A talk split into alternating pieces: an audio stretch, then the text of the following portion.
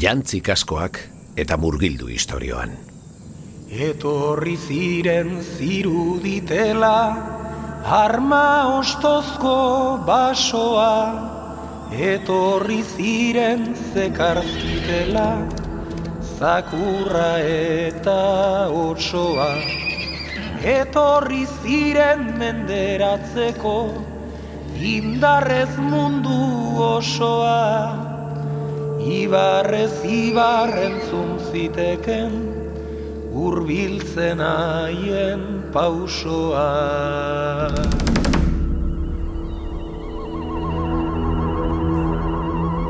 Eta alere norbaiteko zen, bota zuen irrintzia,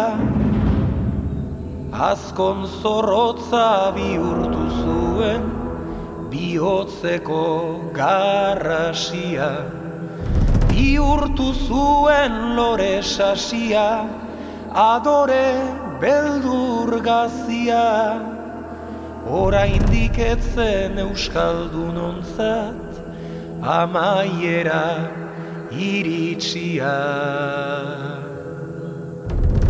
Horrea gazen adiskideok, gatazkaleku izena, Etxai arrotza kamilarazi eta errolan hiltzena. Hango adarren erronka hotxak, jarrai dezala ozena. Etorkizunak baitu oraindik, iraganan abizena.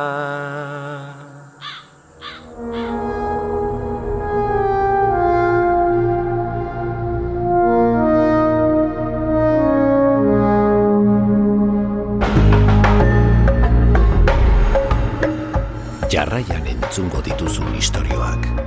Ez dira gertatu. Oraindik.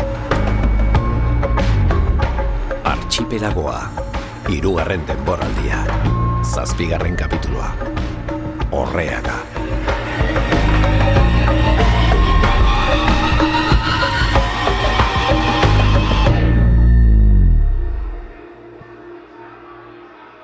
Barkatu Muñoz, zesan duzu? Tabernako zaratarekin ez dizut ondo entzun. Bai, haze festa duten norbeean. Esaten nuena zen. Aitorren planteamendua oso arriskatua iruditzen zaidala, eta hala ere nire ustetan... Arriskatu beharra dugulako, ez dugu beste erremediori. Badakit, utzi da zuitz egiten aitor. Lasai biak, alaren izenean. Ni lasainago, jainkoari eskerrak. Nahi duzun bezala. Moztu aurretik esatera ninduan moduan, planteamendua oso arriskutsua iruditzen zait. Baina esan dizut, ez dugula beste erremediorik. Eta hala ere, nire ustetan plan onna da. Ah, bale, bale, bale, bale. Ni ez nago bain ziur. Bai, sala, urtzabalean, ez dugu zerreginik baltza eta germaniarren aurka. Gu baino asko zontzi gehiago dituzte. Baina urbasako pasabide estuetara ekartzen baditugu, bata bestearen gainean pilatuta geratuko dira. Ah, Carlo Magnori gertatu zitzaion bezala. Urbasara iritsi eta gure jendea erasotu aurretik, guk joko diegu erasoa mendi gainetik, denak txikitu arte. Hori errazagoa da esaten egiten baino. Dena dela, gauza bat ari zaretea azten. Zer, Urbasako portura iristeko bi bide daude eta ez dakigu etxaiak nondik etorriko diren. Ez dugu nahikoa jende bi aldeetako pasabideetan segada egiteko. arrazoi duzu. Enuen horretan pentsatu. Bat edo beste aukeratu beharko dugu. Ez derrigor. Zer esan nahi duzu? Espioiren bat aldaukazu eibarren. Ez, baina agian ez da beharrezkoa. Sala, entzuntu danez, zure zerbitzari batek etorkizuna aurre ikusteko doaia dauka. Ez alda ala. Bai. Fatima. Etorkizuna ikusteko doaia, jainko maitea. Ez dakit jainkoaren kontua den, edo deabruarena. Bat ala bestea izan. Ez dakit ideia hau gehiek ikustatzen zaida. Tira, sala, mesedez. Ez dakit. Ez dakit. Ez dakit zeren zain gauden. Erasoa jotzeko uneara. Muñoz ere urbasatu. Zagar ustel guztiak otar berean daude. Ulertzen? Ia. Ditugun indar guztiekin bertara joan eta gure etxaidenak behin betiko zuntxitzeko momentua da. Ziurikeko agintaritzaren baimenik gabe ez dut gure ontzerik mugituko. Segi deitzen. Bai, komandant. Halo? Halo? Norbaitek entzuten dit? Joi, kobarre. Jodi madarikatua. Utzi zazu belea bakean. Zuri baino konfiantza handiagoa diot. Ah, bai? Ba, badakizu, komandant? Nik betidanik konfiantza handia izan dut Germaniar Federazioan, baina orai, ez dakit. Ze esan nahi duzu. Halo? Halo? Badakizu. Teknologiaren ordez, txoriekin hitz egiten duten sorginak erabiltzen dituztela ikusteak. Ez du nire konfiantza asko indartzen. Eta zuritzeko agintaritzan ere, ez dirudi fundamentu askorik dutenik, ez da? Kontu zure sume gorri niarekin baltza. Nire beleak moko katere beharko dizu azkenean. Geldi hor, ez da urbildu ere. Komunikazioa lortu dut zuritxekin. Azkenean, utzi entzuten.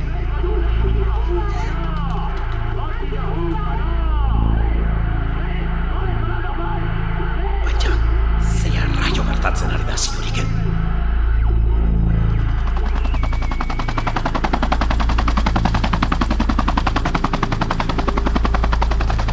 Gara. Tira, guazen. Makurtu burua badazpada ere, helikopterotik mundu arte. Poliki, mesedez. Pixka bat. Pixka bat zora biatua nago. Lasai, heldu nire besoan, izar. Guazen. Oh, haze hotza egiten duen hemen.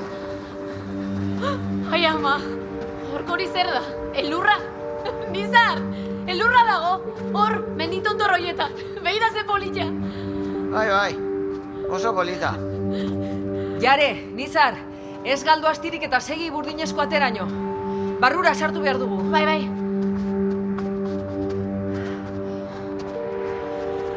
Ia ba, kodea sartu eta barrura. Ez, kakasarra. Nola zen? Aspaldi da naizela ona etorri. Non narraio gaude, ama. Zer da ate hau? Mendi barrura sartu behar dugu. Hilobira esan duzu lehen. Bai, nilobia, erditzeoea, zehaska, dena da hau. Bai. Sartu, argiak piztuko ditut. Baina, zer da? Non gaude? Guk bunkerra deitzen diogu. Baina hori baino gehiago da. Frau direktor, ongi etorri zortzigarren sektore babestura. Dena prest dago. Guazen, lana dugu. Batez ere zuk, jare. Prestatu generadoreak. Bai,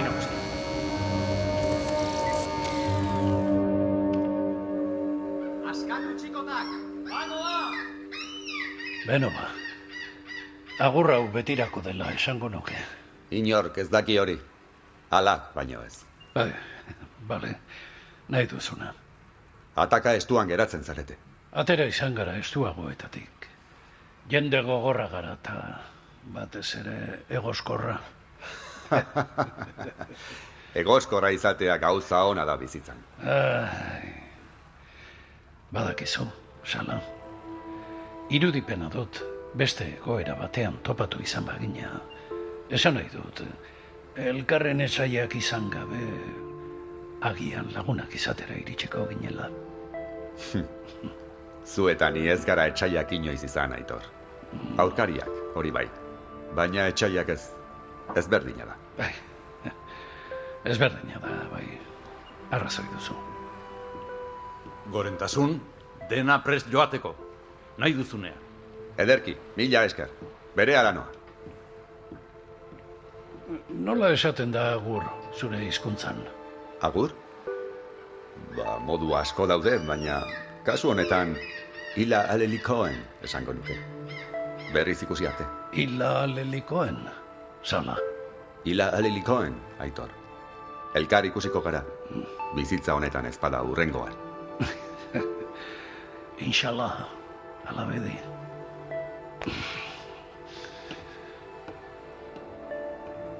Izatekotan, urrengo bizitzan. Eh,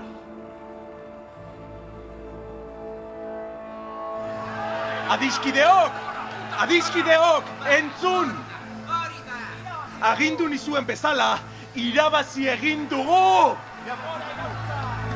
Orain! Hemen! Ez dago jada lehen eta bigarren mailako pertsonarik. Ez dago zapaldu ez zapaltzailerik. Denok gara buruzagiak. Gu denok! Gaur, zuri txaskatu dugu. Bihar Munich izango da. Etzi Biena. Adiskideok! Gaur da Germaniako komuna librearen lehen eguna. Gurea da garaipena! Baina gure berri ona zabaldu bitartean, gure eredua indartu bitartean, erne ibili behar dugu adiskideok. Gora mugimendu sozialista! Zapaltzaile batzuk, ies egin dute. Badakizue nortaz ari naizen. Noski baiet! Traidores! Hola! Nana, maitu behar dugu. Topatu egin behar ditugu adiskideok, geldiarazi, iraultzak atzera bueltarik izan ez dezan. Nagusi! Nagusi! Entzun! Ni ez nahi zure nagusia, jada ez dago nagusirik. Ni zure adiskidea naiz besterik ez. Beno, ados, adiskide handia. Horrela nahiago baduzu. ez da hori esan nahi nuena. Adiskide handia, nik badakin nora joan den olatz. Nora ies egin duen. Nora joan dira. Esan. Bunkerrera joan dira, adiskide handi hori. Ziur nago, han egongo dira. Bunkerra? Zer da hori, non dago? Inork ez daki seguru. Mendigailurretan galduta dagoela baino ez. Azken aukera deitzen zioten. Azken aukera. Baina ez dakit zergatik. Ongi da. Zabaldu mezua adiskideok. Zabaldu etenik gabe irrati transmisoretatik. Bunkerra topatu eta beraiekin hitz egin behar dugu. Beraiekin hitz egin? Baina zertarako? Azken aukera gu garela jakin dezaten, adiskidea. Aukera bakarra.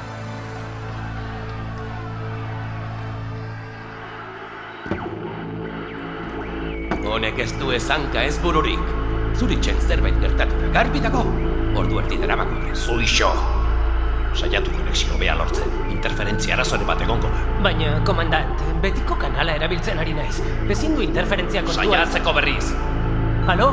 Halo? Hau denbora galtzea.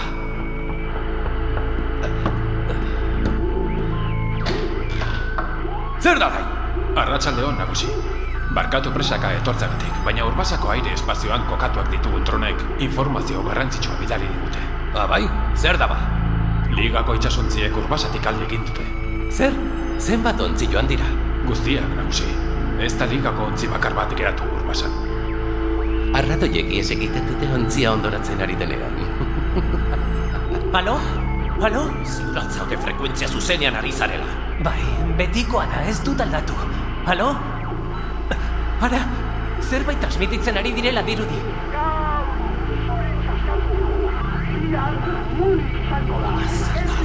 Ez da posible.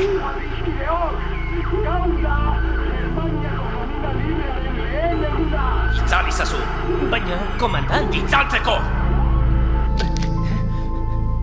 Eman prestatzeko agindua, berehala irtengo gara. Bai, nagusi. Ustekabeko albistez betea dator arratsaldea, eh? Indar horrek aldatzen ari da, antza. Ez duzu ez ere esan behar? Tira, hitzekingo dugu urbasara bidean. Urbasara? Orain? Ligakoek alde egin dute. Barraketxera bidean izango dira dagoenekoz. Orain bai, erasotzeragoaz, dugun guztiarekin. Guda honi bukaera mango diot. Betirako. Baina, ziuriken baimenik ez dut. Nik berez ez zinko nuke joan. Zuk erabaki garaileen ondoan egon nahi duzun ala ez, komandant. Baina zuritxan interferentzia uste baino handiagoa dela ematen du. Bastard. Txoritxo batek esan dit. Pardon.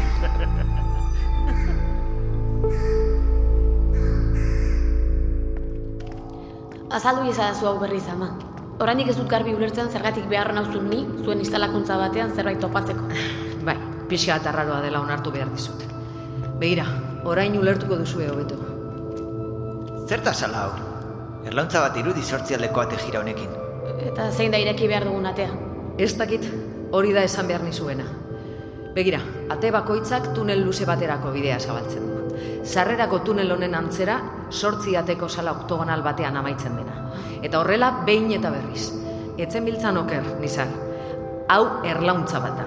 Mendiaren bihotzeraino sartzen den erlauntza erraldoi bat. Eta ez daukazu plan horik? Erregin zituzten, aspaldi. Ondamendia handiaren aurreko instalakuntzak dira hauek.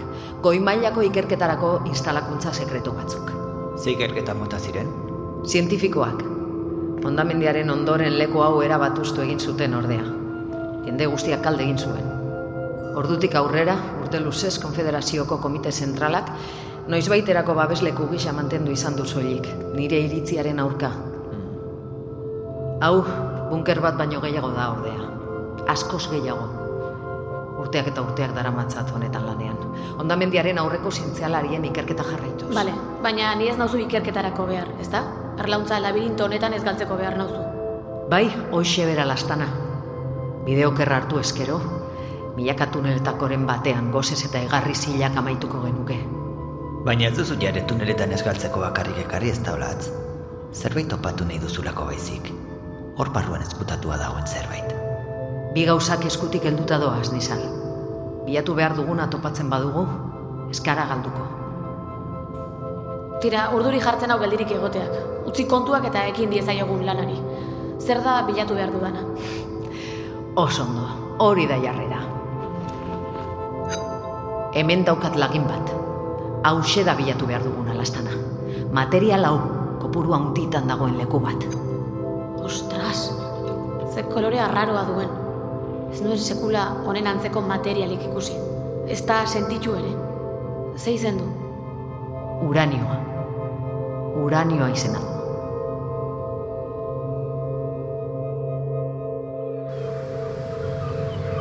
Ziurikekin kontaktatzea lortu duzu, eh? Nain, frau komandant. Oiko frekuentziatan beste... beste hoiek daude. Pasaiatu beste frekuentzietan, probekin frekuentzia guztietan. Segituan nagusi. Frau komandant? Ja. Amabos korapiloko abiadurangoaz. Potentzia handituko dut? Ez, ez. Naita ere ezin dugu bizkorrago joan. Begira zenbat itxasontzi dauden gure aurretik. Iadan azkenagoaz baten bat kolpatuko genuke. Ulertuta. Mantendu abiadura, eta baita norabide ere, urbasako portura. Jawohl, Herr Kommandant. Ja, diese Richtung beibehalten. Ja, entzun duzue, mantendu abiadura. Eta proba egin frekuentzia guztietan. Bai jauna. Jaitsi abiadura, kostari begira jarri behar dugu. Eta zu, zoaz kai hoiek zeruten galdetzera. Ez dut ulertzen zesan nahi didaten. Urbasako portura. Baltza puntakume horren atzetik. Kaka. Arraio daude ziurikeko agintariak.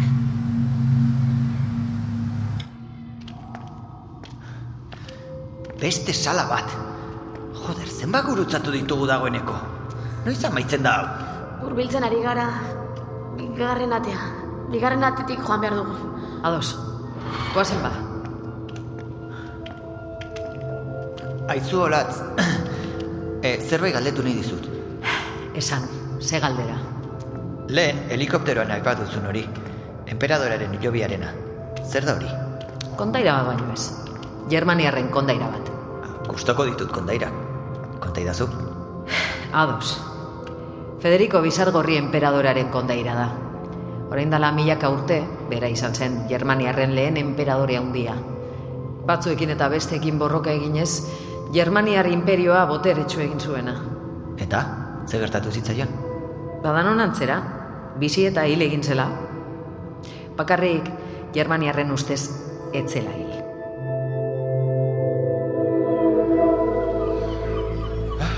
Hauek uraldi bekaina. Usaindu aire hau. Egun ederra da gaurkoa etxaiak akabatzeko.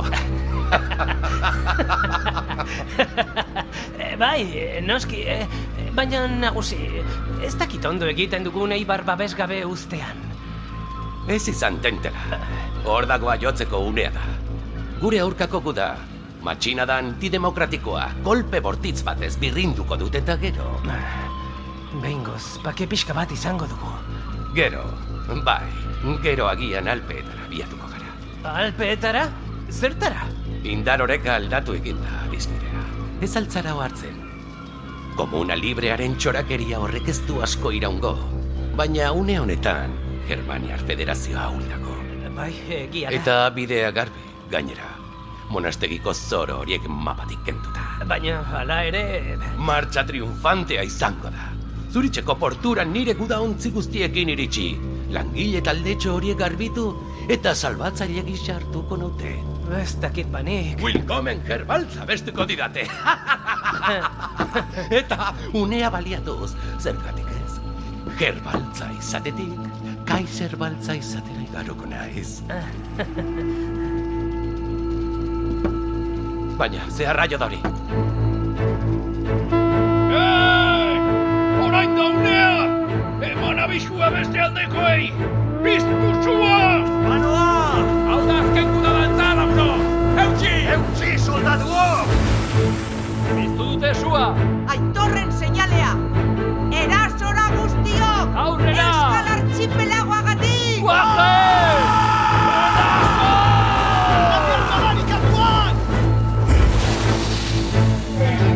Ostia! Baina, zer da? Bada harinkatua! Akabatuko zaituzte!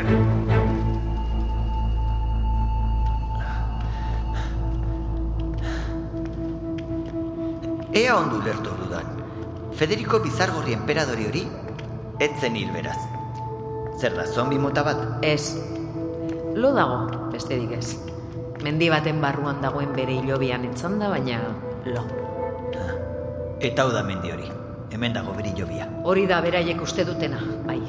Eta kontairak esaten duenez, Germaniarrentzat garai ilunak iritsiko direnean, orduan berriz ere hitzartuko da Federico Bizargorri enperadorea, Germaniarren alde borrokatzeko eta imperioa berriz handi egiteko.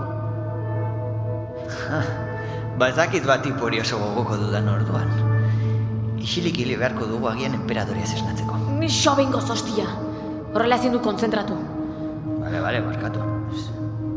Segi aurrera. Ea iritsi gara. Jode, beste sala bat. Urbil gaude, jare? Bai, ate hauetako baten atzean dago erlauntzaren bihotza. Edo emperadorearen hilobia. Zazpigarrena. Zazpigarren atea da. Bai, iritsi gara. Lortu duzu jare. Oh, eskerrak, kristoren buruko mina daukat. Eta nore iritsi gara zehazkiolatz? Zer da leku hau? Kontrol gela, Nizar. Erreaktorearen kontrol gela.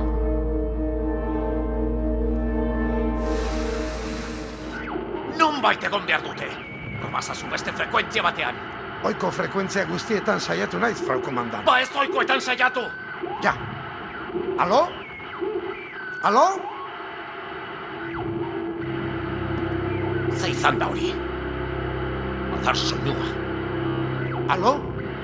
Frekuentzia honetan zerbait iristen zaigula ematen du, nain komanda. Ba segi horretan. Orain txerator.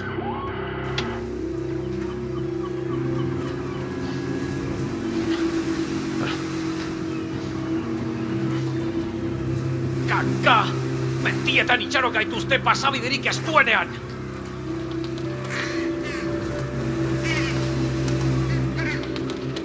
Konta idazu. Segada bat. Banekien eniola baltza lerdori jarraitu behar. Bizkon! Bire eman behar dugu lehen bailen!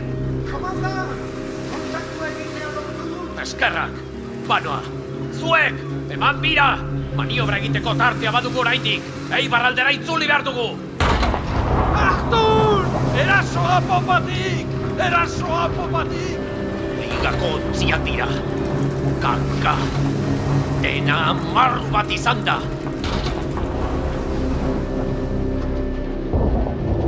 Subizian erasotzen hasi gara gorentasun. Bikain, jarraitu distantzia luzeko artilleriarekin. Gehiago urbilduko gara? Ez, orain goz mantendu posizioa. Batez ere ez dezatela atzera maniobra egiteko modurik eduki. Ados. Zuluan sartu dira, ezin diegu ateratzen utzi. Hori da gure egitekoa. Oraingo zeutxiko diegu. Baina munizio gutxi geratzen zaigu gorentasun. Badakit, bolbora bukatzen zaigunean gerturatu eta bertatik bertara borrokatu beharko du. Gure esku dagoen guztiarekin, azken hatxa eman arte, ulertzen? Ulertuta gorentasun. Te pixka bat, gorentasun? Zer? Ah, tea. Bai, eskerrik asko, Fatima.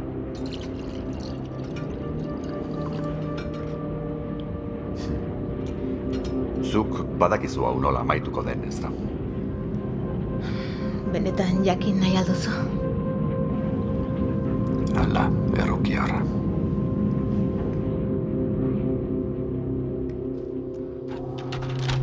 Bikain, bikain. Uste baino egoera hobean dago hau. Ikus ezagun? Ia, hemen. Turbinak? Zer egiten ari zara, ama? Zer da hau guztia? Hau, lastana, etorkizuna da. Eta iragana ere bai, maila batean. Lehen ondamendiaren aurretik genuen mundua berreskuratzeko bidea. Berriz ere aurrerapenaren mundua ekarriko digun energia, energia nuklearra.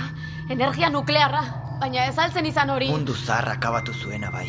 Lurra ondatu eta olatuak sortu zituena. Gizakiek sortu zituzten olatuak. Gizaki ahulen ez jakintasun diru grina eta erabilera okerrek. Ez energiak. Ez duzu ikusten. Begira gure mundua. Energiarik gabe ere. Gizakiek gizakien aurka borrokan jarraitzen dute. Hiltzen, lapurtzen gezurretan zergatik. Ahulen esku gaudelako. Noski, ez gaudelako zure esku ezta? Zure esku indartxo eta onberaren menpe. Bai, dakitenek, gai direnek gidatu behar dute mundua. Hori da denentzat etorkizun berri bat lortzeko bide bakarra. Adizkideok, entzun berri ona. Iker, Iker da! Gaur, mundu berri bat eraikiten hasi gara. Zapaltzailerik eta zapaldurik gabeko mundu bat. Denok berdinak izango garen mundu bat. Edo zaudela ere, bat borrokara. Batu zainen Germaniako komuna librera. Komuna libreko bazter guztietara irrati frekuenzi ertainetik emititzen. Ez astu, makinak ugara. Adizki... Borrokara batu ez, borroka da zuei batuko zaizuena. Bere ala gainera. Komandant, entzuten diazu? Komandant? Olat? Zeu zara? Olat? Bai, neu naiz. Bunker barruan nago, kontrol gelan. Zuritzeko matxina da zuzendu behar dugu bere ala. Zuen laguntza behar dut. Esan, zein da zuen egoera? Gu ez haude inor laguntzeko egoera, eh? Arabiarrek atzetik erasotu eta eibar galdu dugu. Gure burua salbatu nahian ari gara, baina oso zailan egot... Kaka! Ze, mundu berriko planak orapilatzen ari dira? Nizar! Ez dago sufrimendurik gabeko erditzerik, Nizar. Mina eta odola dira bizitzaren lehen izenak. Ama, zertan ari zara? Zure ama zoratuta dago. Baina zaude lasai. Lortuko dugu. Emperadore lokartua itzartzeko garaia da.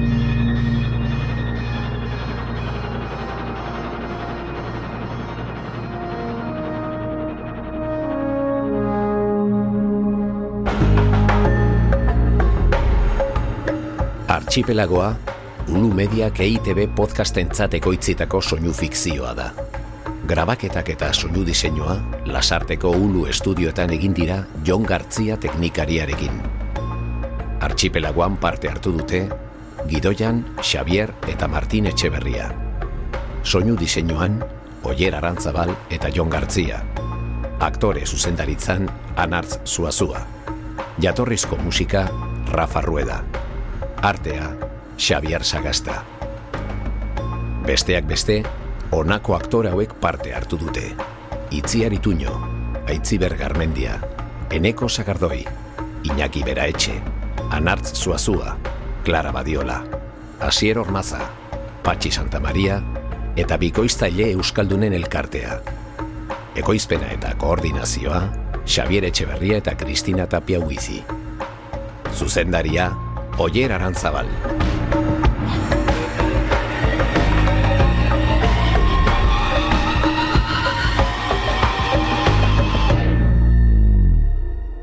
Sail guztiak entzungai dituzu EITB podcasten edo audioak entzuteko darabiltzun dena delako audioplataforman.